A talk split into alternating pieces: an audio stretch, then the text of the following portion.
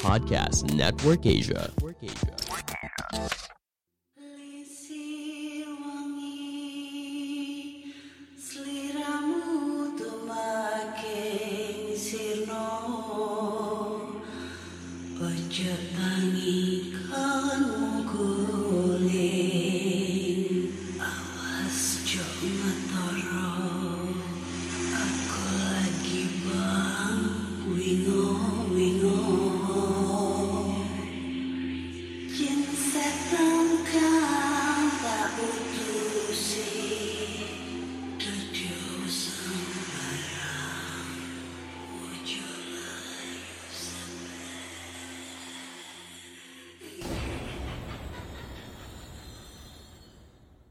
Hai Re, ya apa kabar Ketemu lagi dengan aku si Ana di podcast kisah horor.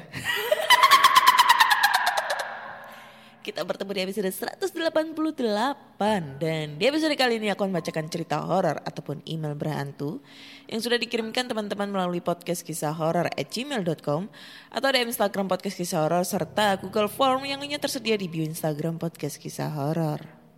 Nah, eh kemarin aku baru saja collab lagi sama Mr. Popo Cie dan ternyata langsung ya baru semalam collab eh abis itu tadi pagi udah launching tuh videonya. Tumben-tumbenan yang nonton 5000 ribu. Yuk pendengar podcast kisah horor kalau misalnya kalian penasaran dengan cerita aku nih ya eh, bersama dengan Mr. Popo kalian bisa langsung aja eh, mampir ke channel YouTube-nya Mr. Popo atau Do You See What I See dan situ eh, ada gua lagi bercerita nih tentang pengalaman horor gua di saat explore gitu. Oke. Terus sebelum kita membacakan cerita horor nih seperti biasa, yuk kita baca-bacain komentar hmm, yang udah ada di Noise gitu ya. Yang udah komen di Noise. Bentar, kita buka dulu aplikasinya. Karena handphone saya lemot ya, iPhone-nya dijual. Sedih. Kali aja ada yang mau sponsorin iPhone. Beli di PS Store nggak apa-apa. Jadi eh kita bacain komentar. Eh banyak loh. Nih ya. Nggak banyak sih. Tar dulu.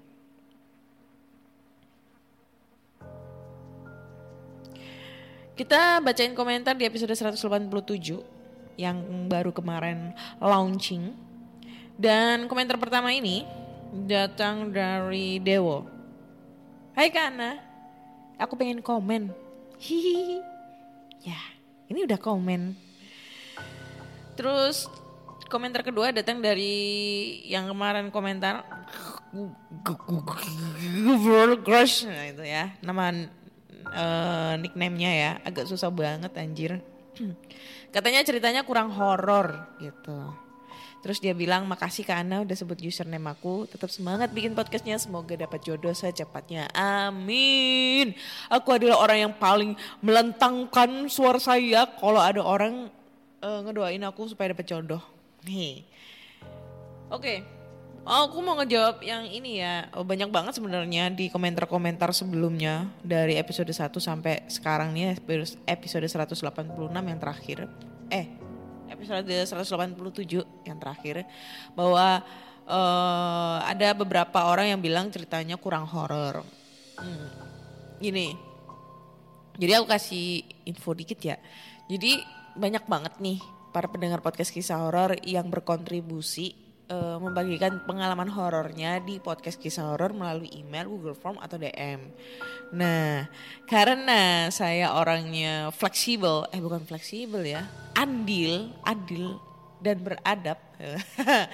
Maksudnya aku tuh orangnya sesuatu hal eh, kalau misalnya dari pendengar kirim cerita, ya mau ceritanya serem nggak serem, itu tetap aku bacain gitu karena ya ya menghargai teman-teman yang sudah meluangkan waktunya udah ngetik-ngetik gitu kan di email.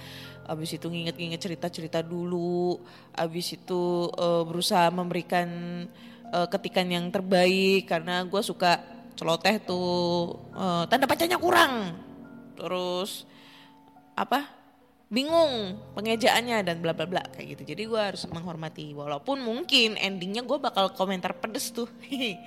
Tapi ya selama mereka kirim cerita lagi dan tidak ada komentar mereka have fun aja sih. Walaupun kemarin sempat dihujat netizen ya yang terlalu terlalu ngata-ngatain cerita halu. Tuh dah. Itu terjawab ya. Terus ada lagi eh, komentar dari Alim Delonge. Katanya dia bilang download ini cuma buat komen doang. Eh cie.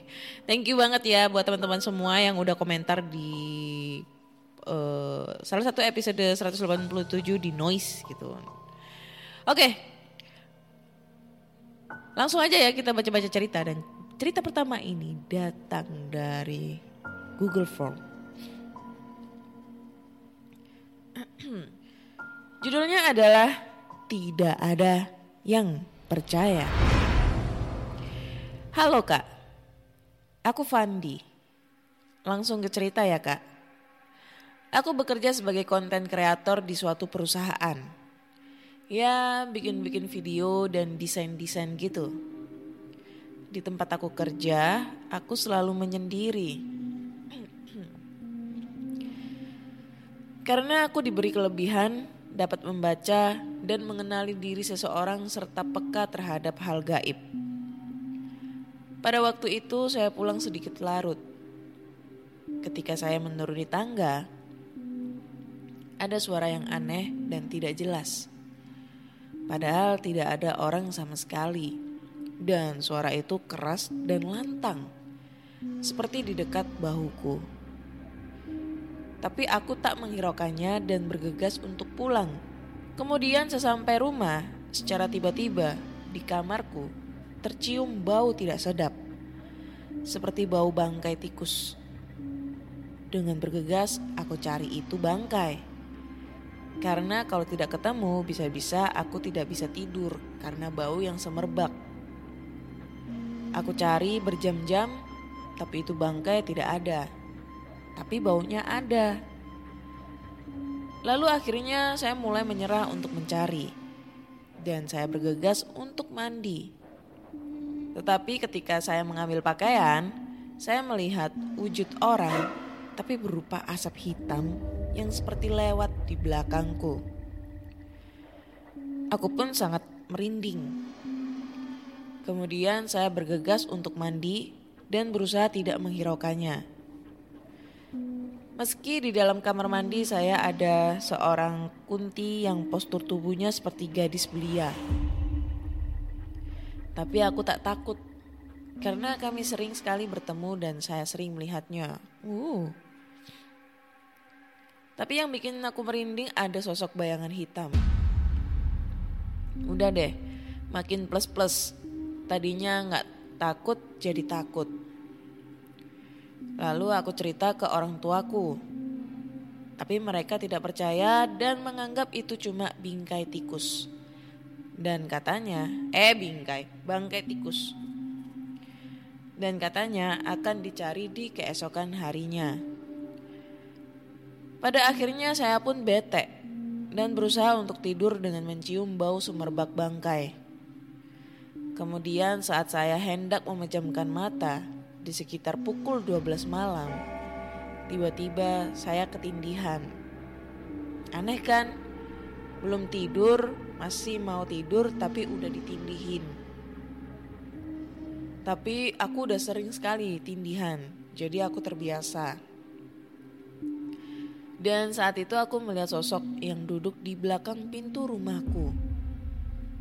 Dengan segera saya membaca doa-doa amalan dan seketika saya seperti terlepas dari tubuh saya. Lalu dengan sigap aku samperin dengan membaca doa secara terus-menerus. Lalu perkelahian itu dimulai. Waduh, saya dicekik dan malam pun berakhir sangat panjang karena perkalian itu.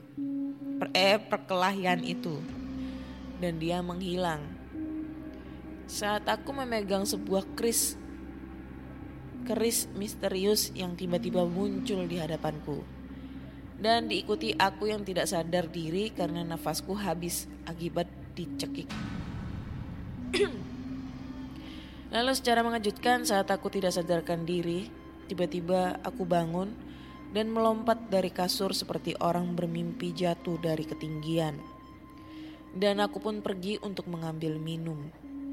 Lalu saat saya melihat jam diri saya mulai terfokus lagi pada bau bangkai itu.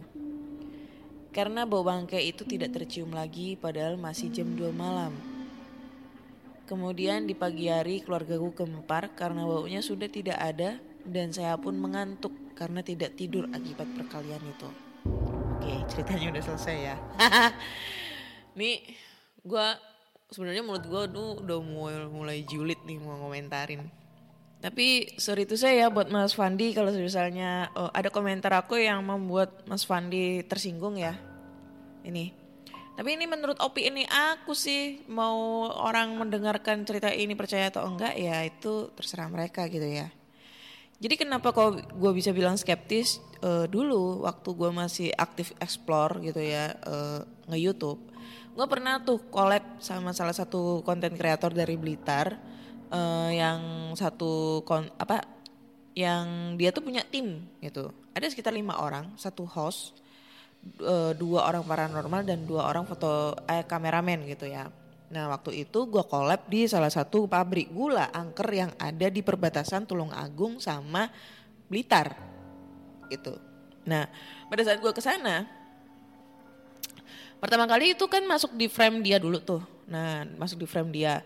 Terus mulailah uh, ya pokoknya uh, opening bla bla bla. Terus akhirnya gue disuruh kayak gini nih. Jadi tangan gue disuruh uh, direntangin gitu. Habis itu gue uh, kayak disuruh ngerasain. Mbak Ana ngerasain ada sesuatu yang panas nggak? Atau mungkin kesemutan? Atau mungkin ada yang megang? Ada yang nyentuh kayak gitu-gitu. Itu dia bilang dengan ya gayanya dia lah. Berjalan berjalan buat asu gitu kan. nah terus waktu itu gue emang nggak ngerasain apa-apa. Tapi dalam otak gue, gue mikirnya gini uh, ini orang mau collab sama gue gitu terus gue pengen ya setidaknya gue pengen viewersnya dia naik jadi gue harus sandiwara. Tuh ya. Kayak gitu. Itu masalahnya itu gue masuk di kontennya dia gitu. Kalau misalnya masuk dia masuk di frame aku gue nggak mau sandiwara gitu kan.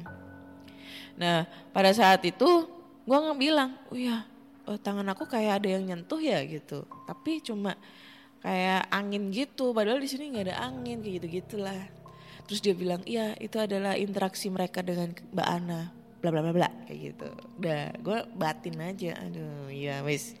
Habis itu uh, jalan-jalan-jalan kita masuk di sebuah bunker. Tuh karena emang pabrik gulanya tuh pabrik zaman Belanda gitu kan. Masuk di sebuah bunker gue disuruh uji nyali di situ ditinggal sendirian.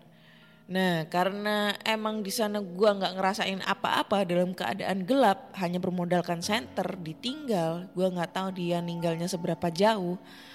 Gua sandiwara tuh, sandiwara lagi. Uh, aku ngerasa ada yang sekelebat bayangan lewat, terus ada ini orang kayak ngerasa ada yang merhatiin dan bla bla bla. Padahal gue nggak ngerasain kayak gitu. Jujur gue nggak ngerasain kayak gitu. Tapi karena emang gue pengen banget naikin viewersnya dia jadinya gue bersandiwara gitu kan. Tuh. Setelah gue ngomong kayak gitu makin menjadi-jadi. Dianya itu kayak uh, mencari pusaka batu delima terus abis itu ber, bertengkar dengan si sosok itu karena memperebutkan pusaka tersebut kesurupan dengan kuntilanak gitu kan. Si cowok itu serupa nama kuntilanak gitu. Yang praktisi yang usianya agak tua. Kan ada dua tuh. Yang satu muda yang satu tua. Yang muda ini beda tiga tahun lah. Uh, sama aku dia kelahiran 94 aku 91 nah yang tua ini kayak seakan-akan uh, kesurupan kuntilanak. Jadi iya. Kayak gitu gitulah ya yes, pokok pokoknya kuntilanak yang genit gitulah.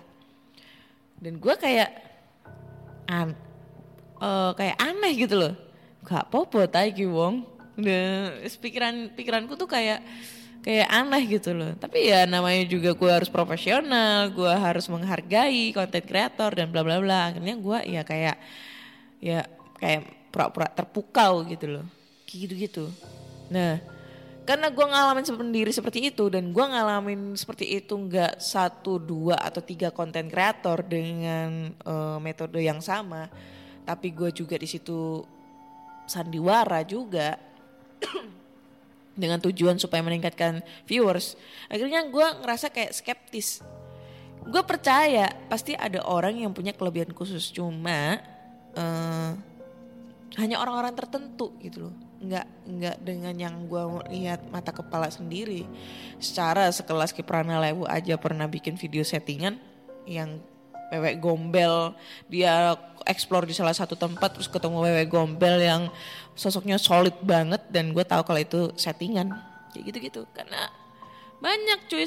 Seti uh, semenjak gue jadi konten kreator di YouTube dulu itu gue punya kenalan banyak konten kreator youtuber explore yang emang udah subscribernya udah ratusan ribu dan jutaan dan gue tahu sendiri kalau sesuatu uh, ada beberapa konten kreator itu yang melakukannya itu settingan hanya untuk mendongkrak viewers kayak gitu-gitu kurang lebihnya. Hmm, mungkin ada yang sependapat dengan gue langsung aja komentar di noise. Oke, okay, next lanjut ke cerita berikutnya. Cerita kedua. Cerita kedua ini datang dari email dan ini datangnya dari siapa nih namanya? Toto. Mas Toto underscore holik. Itu. Hai Kak Ana, perkenalkan nama aku Toto. Jadi langsung aja ke ceritanya. Sepulang kerja, aku hendak mengunjungi desa istriku yang ada di daerah Ponorogo. Jadi aku berangkat sendiri karena istri dan anak saya udah berangkat duluan. Uh, saya mengambil bis jurusan ke Madiun, lalu niatnya hendak oper angkot yang jurusan Madiun Ponorogo. Sesampainya di terminal, saya menunggu agak lama karena memang sangat sangat malam. Saat itu saya melihat ada dua bus. Yang satunya baru datang sesaat setelah yang satunya pergi. Saya yang tidak tahu jenis bus di daerah sana langsung setuju ketika ditawari seorang kernet dari bus yang baru datang. Di dalam bus, saya tuh kayak keheranan gitu. Pasalnya semua penumpang itu berwajah pucat.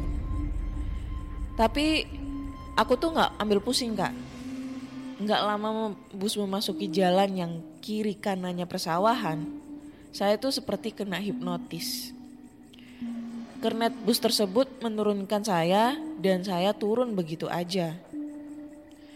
Setelah turun, saya tuh baru sadar kalau saya berada di lokasi yang bukan tujuannya. Di depan, saya melihat e, berdiri sebuah pasar malam. Eh, di depan saya yang saya berdiri saat ini saya melihat sebuah pasar malam. Kiri kanannya banyak berjualan makanan. Setelah saya tengok kiri dan kanan, saya mulai menyadari ada yang aneh. Semua orang yang saya temui wajahnya nggak jelas dan cara berjalannya aneh. Mereka berjalan melompat ke kiri dan ke kanan dengan tubuh bergoyang-goyang mirip boneka. Uh, anjir. Ntar dulu gue ngebayangin ya. Cari apa pak? Ada suara yang tiba-tiba ngagetin saya. Mm, enggak, itu kok jalannya pada aneh ya? Oh kalau mau cari makanan ini saya jualan. Enak loh pak ujar seseorang yang wajahnya itu nggak jelas. Bahkan yang disajikan mirip makanan, namun nggak jelas.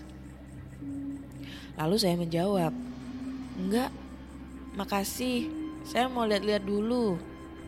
Terus saya berusaha membunyikan rasa curiga saya supaya nggak ketahuan. Kemudian saya mengamati orang yang berjalan bergoyang-goyang itu. Ada yang cepat, ada juga yang masih bisa terlihat mata. Saya mengamati mereka terus hingga mereka menuju lokasi yang gelap dan hilang di sana. Saya udah ngerasa ada yang aneh nih. Terus saya segera mencari jalan keluar. Yaitu posisi turun dari bus tadi. Saya berjalan terus tanpa menoleh. Hingga saya melihat sosok seperti petani. Akhirnya was-was dong hati saya kak. Saya pun mendekati. Lalu tiba-tiba sosok itu menyapa. Loh pak dari mana dan mau ke mana? Kok malam-malam begini ada di sawah? Tanya petani itu. Iya nih pak, saya diturunkan sama bus tadi di pasar malam. Jawab saya. Pasar malam? Di mana? Di sana. Saya menoleh sambil menunjuk ke arah hamparan sawah yang luas. Gak ada lampu, gak ada pasar malam, gelap total. Karena kasihan, lalu petani tersebut mengajak saya ke rumahnya dan di sana dia menceritakan soal pasar malam tersebut. Gak ada yang tahu soal bus, tapi banyak yang bilang kalau di tempat itu memang sering ada bazar setan. Saya pun pergi ke Ponorogo dengan selamat, tapi kalau eh, aku ingin mudik lagi, saya nggak bakalan berangkat pagi. eh, saya bakalan berangkat pagi. Lalu kisah kedua ini tentang ibu saya. Dulu, rute ke tempat pabrik ibu berada harus melewati persawahan dan beberapa pemakaman. Suatu ketika ibu pulang dari kerja sekitar jam 10 malam. Ibu melewati areal persawahan yang mana di ujungnya terdapat kuburan kuno sebagai pembatas dengan pemukiman warga. Saat itu ibu melaju dengan kecepatan sedang. Tiba-tiba, di depan gerbang kuburan, berdiri seorang wanita yang menggandeng anak kecil. Ibu menepi ke kanan karena lokasi kuburan ada di sebelah, di sebelah kiri jalan. Alih-alih menghindari menyerempet, dua sosok itu tiba-tiba sudah ada di depan ibu. Sontak ibu banting setir dan masuk kuburan. Saat di dalam, ibu dibikin panik. Lantaran kuburan yang hanya punya gapura tanpa tembok itu kini malah penuh tertutup tembok. Awalnya ibu berusaha tenang, tapi lambat laun ibu mulai panik. Tiba-tiba ada sebuah cahaya dari arah sampingnya. Cahaya itu berhenti beberapa meter di dekat ibu. Siapa tuh?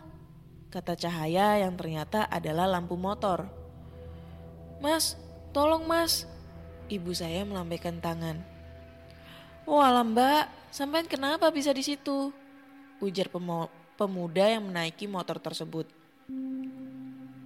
Ibu menceritakan kejadian yang barusan dialaminya. Pemuda setengah mabuk itu kemudian mengangkat motor ibu dan membawa ke bahu jalan. Mbak, lain kali kalau lewat sini ajak teman. Di sini angker mbak. Ujarnya dengan mulut bau miras dan setengah teler. Setelah motor ibu nyala, pemuda itu segera pamit dan pergi.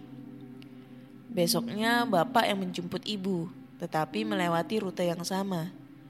Tidak ada kejadian di sana, tapi bapak mengambil kesalahan dengan melewati rute alternatif. Di daerah itu terdapat kebun jambu. Di belakang kebun itu terdapat kuburan. Saat melewati kebun jambu, ibu melihat orang berjalan. Orang itu berjalan dengan lututnya, sedangkan kakinya bersila. Bapak mencoba melihat wajah orang itu, namun tidak terlihat. Jelas tidak kelihatan, karena kepalanya berada di tempat yang tidak seharusnya, yaitu ditenteng di tangan. Sambil cuek, orang itu berjalan dengan lutut sambil mengayunkan kepalanya ke kiri dan ke kanan. Setelah itu, ibu kapok lewat jalan tersebut. Terima kasih cerita saya sudah dibacakan kak. Mohon maaf kalau ceritanya kurang seram, Pemba peletakan tanda baca yang kurang pas. Oke. Okay. Ini ceritanya dari Mas Toto ya. Ini Tar dulu, gue mau komentar yang cerita kedua, yang cerita tentang masalah ibunya. Gue ini agak sedikit lucu ya, lucu dan kayak kok bisa gitu loh. Jadi si ibunya ini ngelewatin suatu tem, uh, perjalanan uh, jalan tiba-tiba ada sosok dua sosok pruk, ada di depannya terus si ibu banting setir ke kuburan terus tiba-tiba pas noleh ke belakang udah tembok semua. Lalu ada so, ada pria yang menyamperi terus kayak nolongin. Tapi yang jadi anehnya ini prianya tuh mabok setengah teler ya kan? Kok bisa gitu loh setengah teler terus dia sigap masih bisa apa ya ibaratnya tuh kalau gue pernah ngelihat teman gue dia mabok tapi masih setengah teler. Cuma kalau udah setengah teler itu dia tuh udah kayak ambruk-ambrukan jalan sempoyongan terus abis itu nggak ya sadar tapi nggak sepenuhnya gitu loh. Nah kalau yang ini malah ini dia ngasih tahu nasehatin ibu jangan lewat sini sendirian sama temennya. Terus diangkat motornya dibantu dan lain-lain. Berarti baik dong itu walaupun mabuk ya. Karena kita tahu kalau misalnya ketemu sama orang mabuk itu pasti takut cuy. Takut di hajar takut digebukin takut apa gitu kan. Karena kalau orang mabuk itu kan posisinya udah nggak sadar. Terus yang berikutnya itu gue mau ceritanya Mas Toto yang dia uh, naik bus terus tiba-tiba turun di bazar setan. Ya itu. Nah yang jadi seremnya adalah gue ngebayangin nih pada saat dia ber, dia pada saat dia berjalan ke sebuah pasar dia menyadari ada yang aneh semua orang yang ditemui wajahnya nggak jelas dan cara berjalannya itu aneh mereka berjalan melompat ke kiri terus ke kanan dengan tubuh bergoyang-goyang mirip boneka. Tuh, mirip boneka tahu kan boneka apa yang goyang-goyang gini? Yang ada di pinggir jalan tuh ya, yang pakai nitrogen gitu kan, yang biasanya di toko-toko handphone apa, toko-toko cat itu ya. Gue kebayangin cuy. Jadi ini ada orang lom, jalannya lompat, cuk, terus goyang-goyang, goyang-goyang dompet gitu. Terus habis itu lompat ke kanan, jeret, goyang-goyang lagi. Kan lucu gitu saya tanya ya. Merasa kayak uh, apa? Pertunjukan. lucu cuy, lucu. Ini bukan cerita serem yang punyanya Mas Toto. Ini jadi lucu. Cuma kalau ngebayang uh, kalau kita ngebayangin lucu, cuma kalau kita berada di lokasi tersebut kayaknya serem banget gitu loh. Buset. Buset retet Lucu, gue ngebayangin anjing lah sumpah. Lucu banget. Ini kayaknya gue tahu nih, pasti uh, para pengusaha handphone, toko handphone ataupun toko cat, dia ngambil bonekanya dari bazar ini, orang-orang yang dari bazar ini. Kan lumayan gitu. Bisa jadi penglaris juga kan. Oke next lanjut ke cerita berikutnya. Dan ini kayaknya cerita terakhir ya. Cerita terakhir ini judulnya adalah Kontrakan Legend. Hai Kak Ana, kali ini aku mau bercerita tentang pengalaman aku yang ceritanya ini lima tahun yang lalu. Cuma saya dapat selentingan aja nih dari teman-teman aku. Kali ini aku mencoba untuk menjabarkan secara full versionnya ya. Jadi kala itu ada sebuah perusahaan yang sedang merekrut pegawai untuk cabang di luar kota. Rencananya mereka akan di training di salah satu cabang sebelum di training lebih lanjut. Perusahaan tersebut memberi fasilitas kontrakan untuk tujuh orang pegawai. Mereka adalah Fahri, Nopan, Imron, Didin, Bobby, Bima, dan Zainal. Hari pertama menempati rumah saat itu masih sore. Mereka bertuju nongkrong di warung dekat sana sekedar bertegur sapa dengan tetangga, mereka malah dapat omongan kurang mengenakan. Si tetangga bilang kalau mereka harus hati-hati, rumahnya jangan dipakai buat hal-hal negatif. Tetapi mereka hanya mengang menganggap omongan tetangga sebagai angin lalu saja. Malam hari, si Nopan hendak menelpon ibunya di kampung. Tapi hingga menjelang malam, HP-nya tak kunjung ditemukan. Nopan bertanya ke Didin, Zainal, dan Bima yang ada di ruang tamu. Bahkan mereka pun ikut mencari. Namun benda kotak itu tetap raib.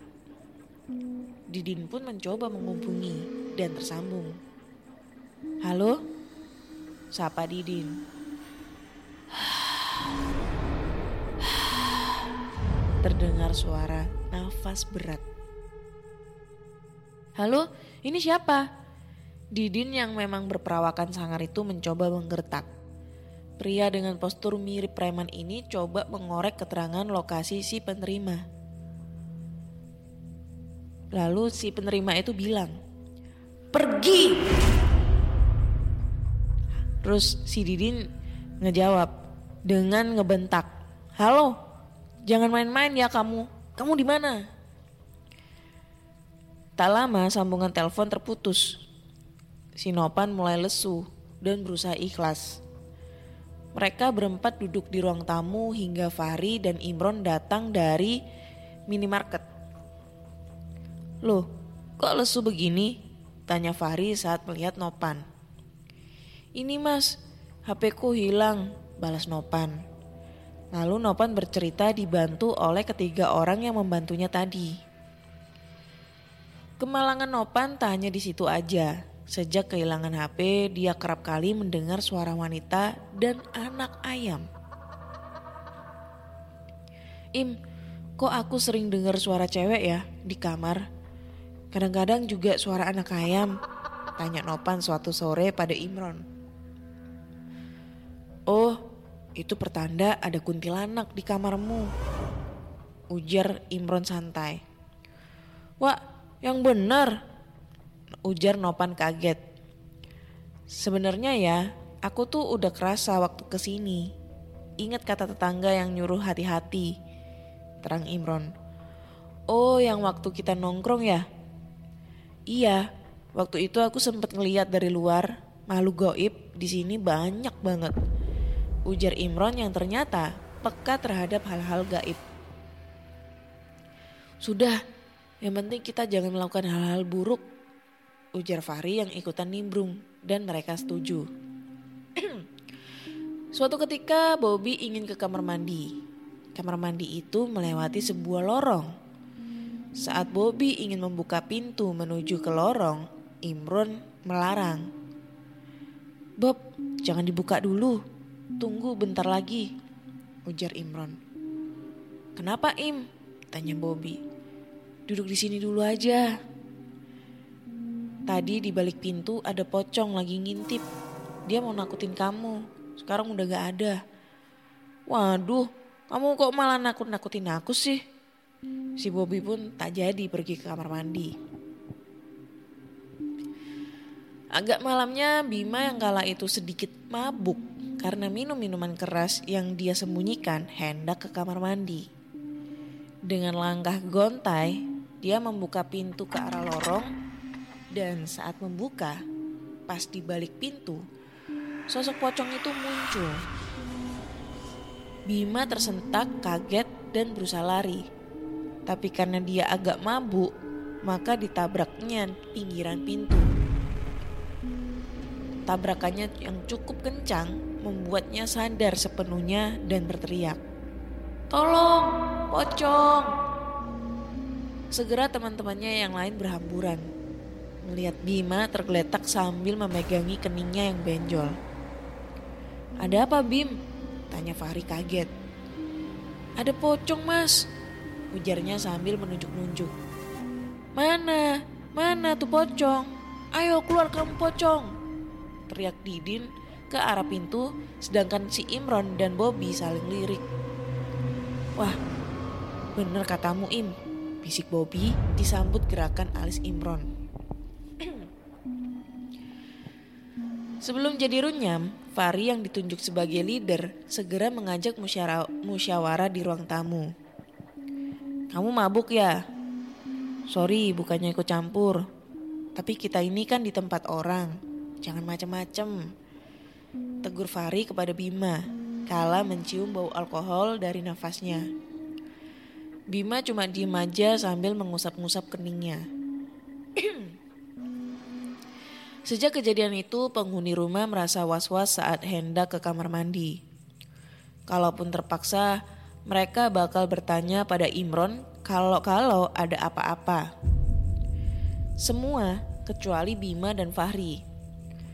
Fahri orangnya taat beribadah. Saat dia mengambil wudhu untuk sholat isya, teman-teman yang lain sedikit punya keberanian untuk ke kamar mandi. Sedangkan Bima memutuskan untuk hengkang karena merasa jadi musuh publik. Dia kerap eh dia kerap kali bikin rusuh karena memang suka seenaknya. Kali kedua dia mabuk saat Fahri tidak di rumah. Dia dilempari kerikil oleh kuntilanak di dalam rumah hingga terkencing di celana. Sebelum Bima pergi, mereka sempat nonton bareng di ruang tamu.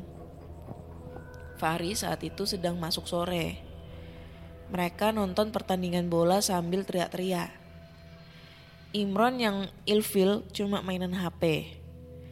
Sedang seru-serunya tiba-tiba ada asap putih yang mengumpul di atas TV dan turun menjadi pocong.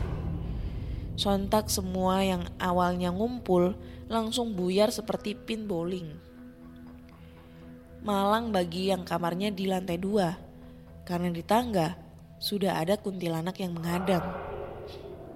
Imron yang telat kabur terpaksa mendengar curhatan si pocong yang tak suka pada mereka dan ingin mereka pergi. Suatu hari, Imron disapa oleh senior di tempat kerja bernama Pak Landu. Im, katanya banyak yang diteror ya? Tanya Pak Landu. Iya pak, sampai si Jainal gak mau balik. Bima pun udah pergi. Jawab Imron. Gini, saya kasih tahu. Dulu saya tinggal di sana juga. Loh, beneran pak? Terus-terus? Rumah itu dulunya dipakai pesugihan. Gak tahu yang model apa. Kata tetangga, banyak makhluk gaibnya. Tapi saya gak peduli. Jadi gak pernah diliatin apa-apa. Terang Pak Lando. Di rumah yang dihuni lima orang itu pun jadi semakin suram. Fahri kerap, kerap kali mengaji dengan suara keras karena set, eh suara keras karena setiap menjelang malam terdengar suara orang menyapu dengan sapu lidi di dalam rumah. Oh. Belum lagi TV kerap kali menyala sendiri. Kadang juga ada sosok pocong yang duduk di depan TV menonton siaran blank lalu hilang. Suatu hari Fahri tidak di rumah. Imron pun sedang jalan-jalan. Bima kembali ke kontrakan mengajak Didin, Bobby, dan Zainal yang kebetulan mampir juga untuk pesta miras. Nopan yang kala itu pulang pun juga diajak. Acara berlangsung diam-diam menjadi ramai. Nopan yang heran berani eh Nopan yang hanya berani minum sedikit sudah merasa was-was.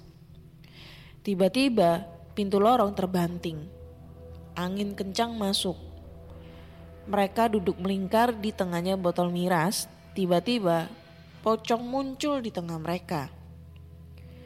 Sontak Nopan melompat kabur, sedangkan yang lain masih berusaha bangun. Tak cukup pocong, kuntilanak pun dari lantai dua ditambah nenek bungkuk membawa sapu lidi dan sosok hitam besar dengan lidah menjulur. Zainal yang membelakangi pintu berguling dan lari menabrak pintu hingga terbuka karena pantulan tabrakannya. Bobby pun menyusul diikuti Bima dan Didin. Saat mereka berhasil keluar, pintu tiba-tiba tertutup menjepit baju Didin. Didin yang panik lantas memegangi kaki Bima hingga jatuh, lalu Bima menarik celana Bobby. Si Didin menangis keras sambil berteriak ketakutan. Sosok yang sok jagoannya dalam sekejap luntur. Karena ribut-ribut, para tetangga keluar. Sebagian jengkel, sebagian lagi tergelitik melihat ulah mereka. Didin pun terlanjur malu Karena bajunya yang terjepit, dia lantas mengaku ditangkap pocong. Nangkap pakai apa coba? Akhirnya cerita si Bima yang jadi biang kerok pun diberi sanksi. Dan mereka dikirim ke pusat. Kini rumah itu masih kosong. Salah seorang pegawai yang ngakos di sana pun membenarkan kalau sampai saat ini rumah itu masih angker. Catatan, saat Nopan kembali ke kampungnya, saya mencoba menghubunginya lewat Facebook dan menanyakan perihal HP-nya.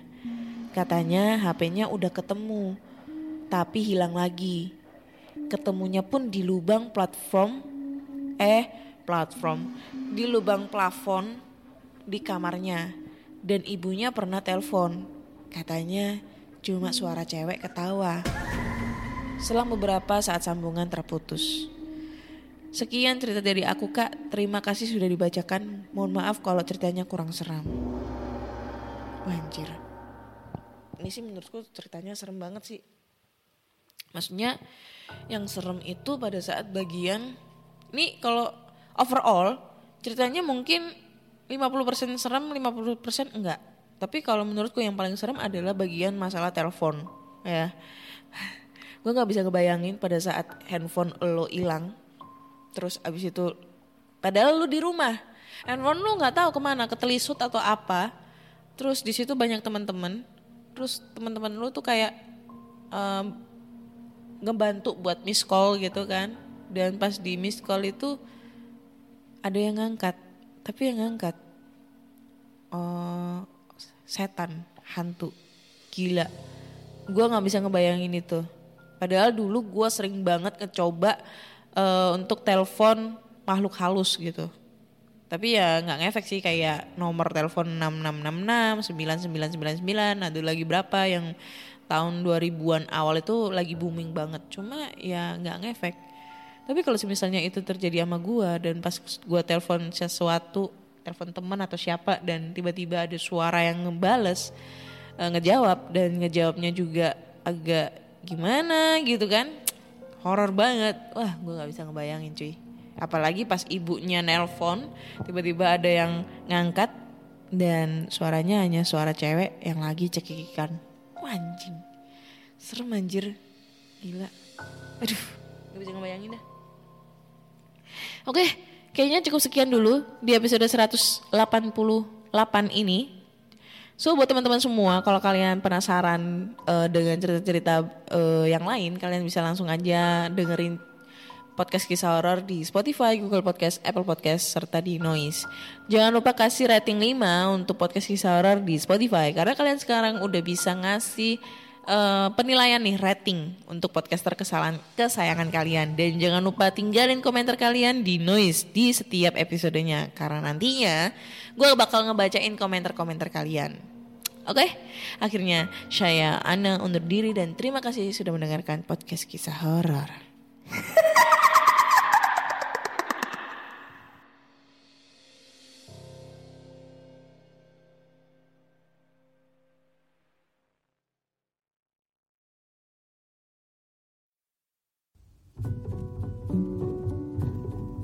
pandangan dan opini yang disampaikan oleh kreator podcast, host, dan tamu tidak mencerminkan kebijakan resmi dan bagian dari podcast Network Asia.